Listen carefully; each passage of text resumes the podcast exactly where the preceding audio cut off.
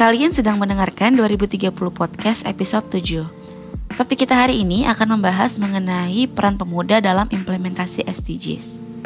Selamat mendengarkan.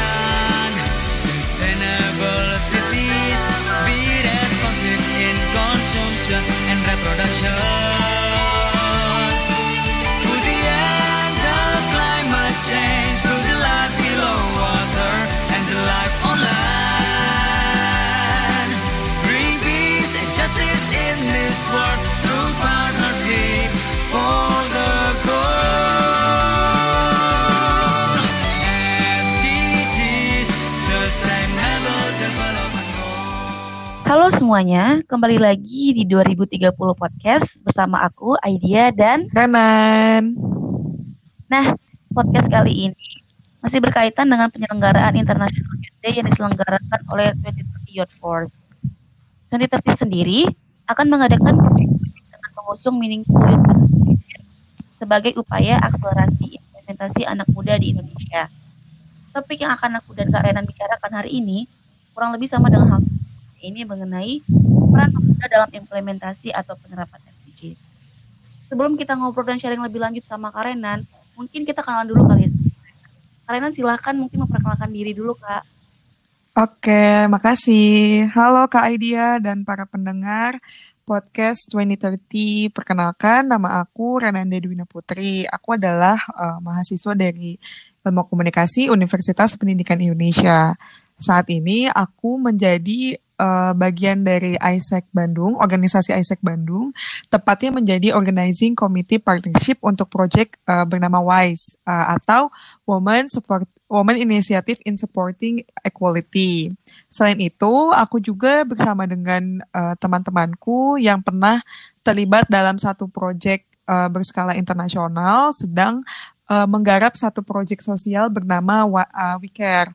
Nah, We Care ini eh, untuk saat ini sedang eh, berfokus untuk menggalang dana yang diperlukan bagi eh, anak-anak penyandang disabilitas yang memerlukan biaya untuk pengobatan. Eh, terlebih eh, pada saat ini eh, keluarga dari beberapa anak-anak penyandang disabilitas ini kan juga eh, terpengaruh ya dari eh, dampak pandemi ini dan mereka juga membutuhkan biaya lebih untuk pengobatan. Eh, selain itu juga aku tergabung eh, menjadi bagian dari COP atau eh, Community of Practice eh, di 2030 Youth Force Indonesia untuk eh, acara International Youth Day yang puncaknya akan diselenggarakan pada Agustus tahun 2020. Wah keren banget ya Kak Renan aktif banget untuk uh, proyek-proyek yang dilakukannya. Nah Kak Renan ini sendiri sebelumnya juga terlibat uh, atau ibaratnya alumni dari kelas online MOOC ya Kak ya di program 2030 ya. Iya, betul. Kak Renan kembali mengikuti program dari 2030 ya ini menjadi COP Accelerator. Kakak di pilar apa ya kalau boleh tahu Kak? Aku di pilar sosial karena aku memang cukup concern di isu pendidikan, maka dari itu aku pilihnya isu sosial. Oke, mantap banget. Nah, Kak Renan, aku tuh sering dengar term atau kalimat seperti kayak youth as agent of change gitu. Term-term kayak gini tuh menunjukkan bahwa anak muda tuh sebenarnya punya potensi dan kontribusi yang istilahnya dapat membangun eh, membangun negaranya lebih bagus, terus kayak bisa sharing ke orang-orang lebih banyak gitu. Menurut kakak nih ya, apa sih peran anak muda dalam percepatan penerapan SDGs yang ada di Indonesia? Oke, em, menurutku sebelum kita berbicara tentang peran pemuda itu sendiri, kita harus tahu dulu definisi dari pemuda itu apa sih. Nah, menurut Undang-Undang Nomor 40 Tahun 2009 tentang kepemudaan, pemuda adalah warga negara Indonesia yang memasuki periode penting pertumbuhan yang berusia 16 sampai 30 tahun. Nah, di usia ini juga termasuk ke dalam kategori eh, usia produktif di mana eh, u- orang-orang yang masuk ke dalam kategori usia produktif itu sedang berada di puncak produktivitas dalam hidupnya. Nah, para pemuda ini juga uh, masih uh, ibaratnya diberikan kekuatan lebih, kemudian masih bisa diberikan kesempatan untuk eksplorasi lebih jauh dari uh, minat ataupun hal-hal yang ingin uh, dicapai nantinya. Terus juga dari berbicara jumlah, uh, pemuda di Indonesia sendiri, menurut uh, Susenas atau Survei Sosial Ekonomi Nasional tahun 2018, seperempat dari total penduduk Indonesia adalah pemuda dengan jumlah sekitar 63,82 juta jiwa. Jadi bisa dibayangkan kan Kak uh, betapa besarnya uh, pemuda di jumlah pemuda di Indonesia gitu. Berarti dikatakan juga berarti uh, usia produktif di Indonesia itu juga besar gitu kan. Berarti uh, bisa kita katakan bahwa pemuda ini memiliki peran yang penting dalam akselerasi implementasi SDGs di Indonesia. Karena pemuda sendiri itu bisa menjadi jembatan antara masyarakat dengan pemerintah dalam hal um, untuk uh, so, uh, masa apa penyelesaian masalah. Misalkan kalau misalkan uh, kita melihat ada fenomena di masyarakat bahwa masyarakat ini masih belum paham bagaimana cara mengolah sampah. Nah, itu kita bisa mungkin membuat gerakan uh, yang berkolaborasi dengan komunitas sosial atau bahkan bisa uh, kita advokasikan kepada pemerintah bahwasanya ada masalah di misalkan di masyarakat A bahwa mereka belum bisa mengolah sampah dengan baik. Nah, ada baiknya itu kita harus melakukan program seperti apa ya gitu untuk menyelesaikan masalah tersebut.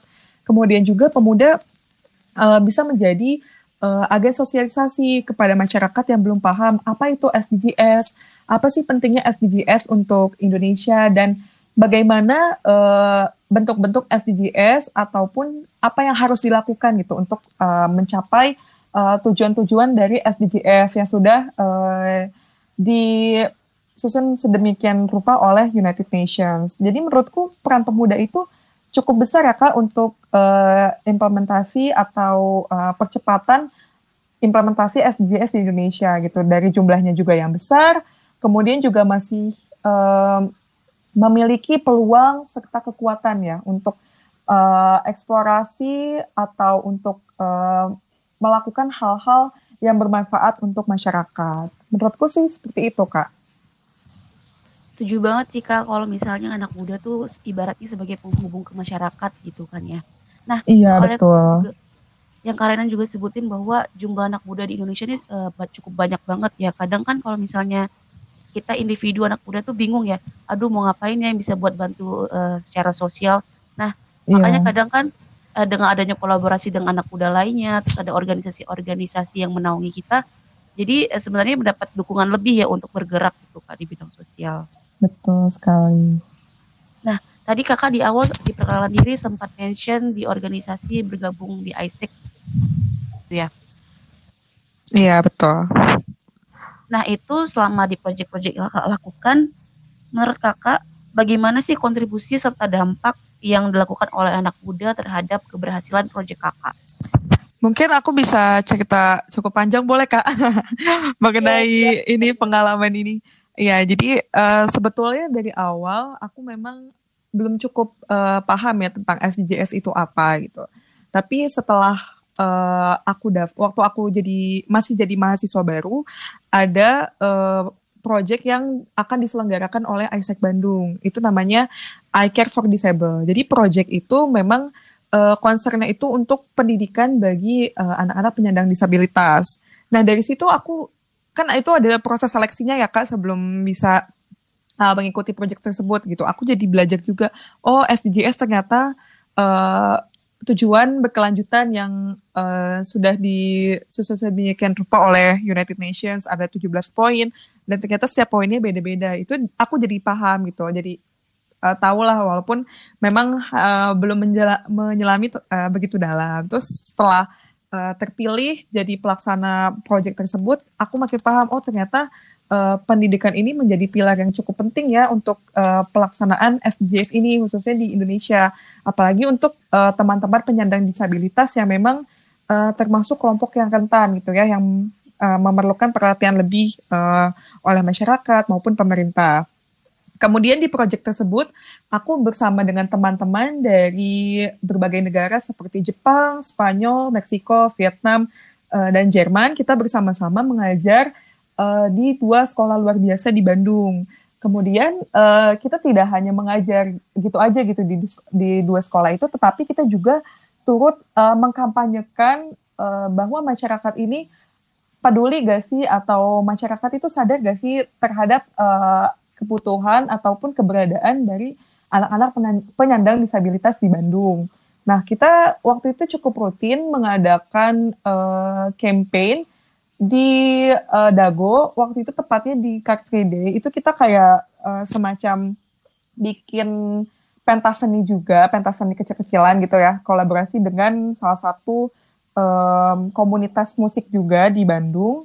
Terus kita juga sambil uh, kayak tanya-tanya gitu gitu. Apa sih uh, ke orang-orang yang lewat di Car Day tersebut? Kita tanya kayak uh, kalian tahu gak sih uh, apa disabilitas itu apa terus kalau di Bandung itu seperti apa teman-teman penyandang disabilitas kemudian apa uh, yang sudah dilakukan oleh pemerintah sejauh ini gitu untuk teman-teman penyandang disabilitas dan cukup mengejutkan bahwa uh, banyak dari mereka yang belum paham gitu tentang disabilitas itu apa, termasuk jenis-jenisnya juga apa, terus juga um, apa yang harus mereka lakukan, bagaimana peran pemerintah itu mereka belum cukup paham. Dan dari situ juga kita akhirnya jadi sharing gitu kan, berdasarkan pengalaman yang sudah kita lakukan. Kemudian juga mereka uh, turut apa ya, turut semacam menandatangani gitu kayak petisi gitu bahwa uh, oh mereka mendukung gitu untuk pelaksanaan uh, eh, SDGs ini yang berkaitan dengan pendidikan untuk anak-anak penyandang disabilitas. Nah, selain itu, kami juga melakukan uh, semacam puncak dari proyek tersebut itu seperti acara uh, pentas seni gitu loh, Kak. Jadi uh, di pentas seni tersebut kita juga menampilkan berbagai macam kerajinan tangan yang dibuat oleh teman-teman uh, penyandang disabilitas dari dua sekolah tersebut. Terus juga ada penampilan seni seperti uh, nyanyi, terus uh, tarian dari teman-teman penyandang disabilitas. Jadi kita pengen uh, apa ya, membuat orang-orang pun juga aware gitu terhadap keberadaan anak-anak penyandang disabilitas bahwa tuh mereka juga spesial gitu. Mereka juga punya potensi loh yang bisa ditunjukkan ke orang-orang gitu. Bukan berarti uh, teman-teman penyandang disabilitas ini tidak punya kelebihan gitu. Mereka juga punya loh gitu sama seperti kita juga gitu. Nah, selain itu juga uh, kami melakukan uh, publikasi atau sosialisasi juga melalui siaran radio. Jadi waktu itu juga uh, diundang ke uh, RRI di Bandung. Itu kayak kita uh, melakukan mengenai proyek kita juga. Jadi tujuannya juga sama untuk uh, menambah uh, awareness bagi orang-orang di Bandung ya khususnya supaya bisa sama-sama kita bergerak gitu untuk uh, mendukung pendidikan untuk teman-teman penyandang disabilitas. Jadi um, untuk pengalaman pribadi aku yang proyeknya berskala internasional sih itu kak. Dan sekarang juga uh, bersama dengan teman-temanku yang dari proyek We Care, eh, dari I Care for Disable itu juga kami membentukkan uh, yang namanya Project We Care itu dan tujuannya pun sebenarnya sama ya berorientasi untuk anak-anak uh, penyandang disabilitas. Cuma mungkin untuk saat ini uh, kami berfokus uh, untuk uh, menggalang dana pengobatan bagi anak-anak penyandang disabilitas yang keluarganya terdampak uh, secara ekonomi dari pandemi COVID-19.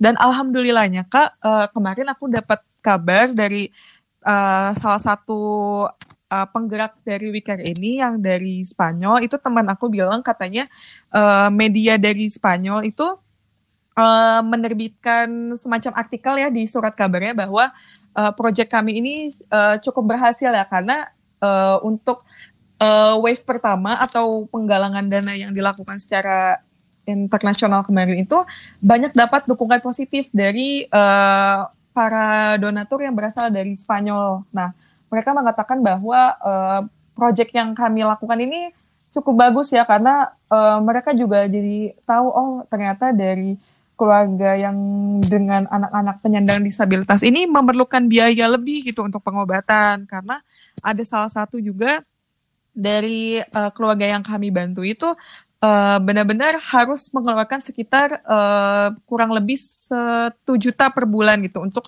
uh, pengobatan untuk kebutuhan uh, anak tersebut. Sedangkan penghasilan mereka itu sangat kurang gitu, jadi sangat memerlukan bantuan dan dari uh, publikasi yang kami lakukan juga bisa uh, apa ya mendapat dukungan dari orang-orang lain. Itu sih kak uh, yang menurutku itu dampak pemuda yang cukup signifikan ya untuk uh, implementasi SDGs yang uh, dilakukan melalui proyek sosial berdasarkan pengalaman pribadi aku. Wow keren banget ya sampai ke media internasional gitu ya. Uh, jadi mereka ibaratnya awarenessnya bisa sampai ke uh, ke internasional yang kayak di Spanyol yang kamu ceritain Karenan.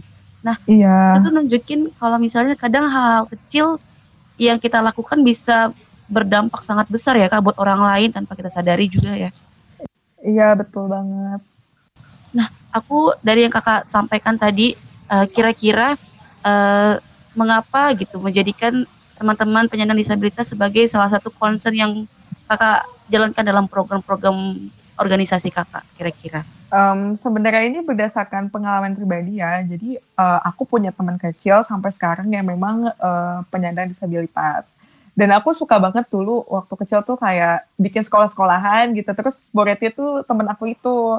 Dan dari situ dulu waktu kecil aku belum paham kok uh, temanku ini nggak bisa nulis gitu. Kalaupun nulis juga tulisannya um, abjadnya itu aneh gitu kak dulu waktu kecil aku lihatnya kayak ini kenapa ya gitu terus juga bacanya kok uh, kurang bisa membaca dengan lancar gitu dan akhirnya seiringnya seiring berjalannya waktu itu aku jadi sadar oh ternyata teman aku ini spesial ya gitu. Teman aku itu uh, mungkin butuh uh, perhatian lebih gitu. Butuh edukasi lebih gitu. Dan dari situ bikin aku tertarik gitu. Oh berarti uh, teman-teman penyandang disabilitas ini juga banyak ya uh, kategorinya gitu. Dan kebutuhan dari masing-masing mereka ini juga berbeda-beda gitu. Dari situ aku semakin tertarik untuk menyelami tentang uh, apa yang mereka butuhkan apa yang mereka uh, rasakan gitu untuk uh, kebutuhannya ter terkhusus di pendidikan karena aku juga kan uh, concern ya untuk isu-isu pendidikan jadi uh, menarik banget itu isu pendidikan ditambah dengan uh, isu teman-teman penyandang disabilitas ini. Jadi itu sih kak yang bikin aku uh, termotivasi ya untuk uh, belajar lagi lebih dalam gitu mengenai pendidikan, khususnya pendidikan bagi teman-teman uh, penyandang disabilitas.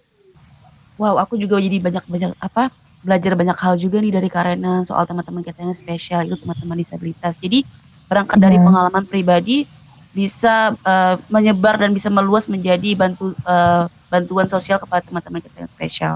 Keren banget ya, Karenan. Last but not least, kira-kira kalau menurut Karenan hal sederhana apa yang kira-kira anak muda dapat lakukan untuk mendukung tercapainya SDGs?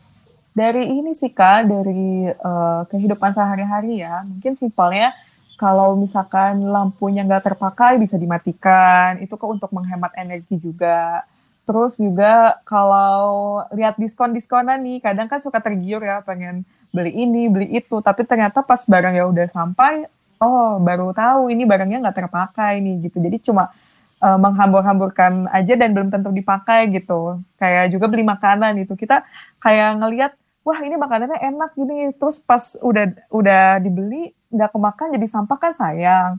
Jadi uh, kita juga harus bisa ini sih kak kayak uh, membuat skala prioritas atau uh, kayak bikin list gitu barang apa aja sih yang kita perlukan gitu atau barang apa aja yang kita mau nanti kan bisa dilihat gitu oh barang yang kita perlukan ini barang yang kita mau ini jadi kita lihat juga yang pentingnya tuh yang mana dulu sih yang harus diprioritaskan gitu daripada nanti mau bazir kebuang gitu aja sayang terus juga mungkin uh, untuk teman-teman yang tertarik uh, terhadap isu sosial isu lingkungan ekonomi dan lain sebagainya yang memang uh, ingin mengimplementasikan uh, langsung secara proyek bisa banget kayak gabung ke komunitas atau organisasi kepemudaan.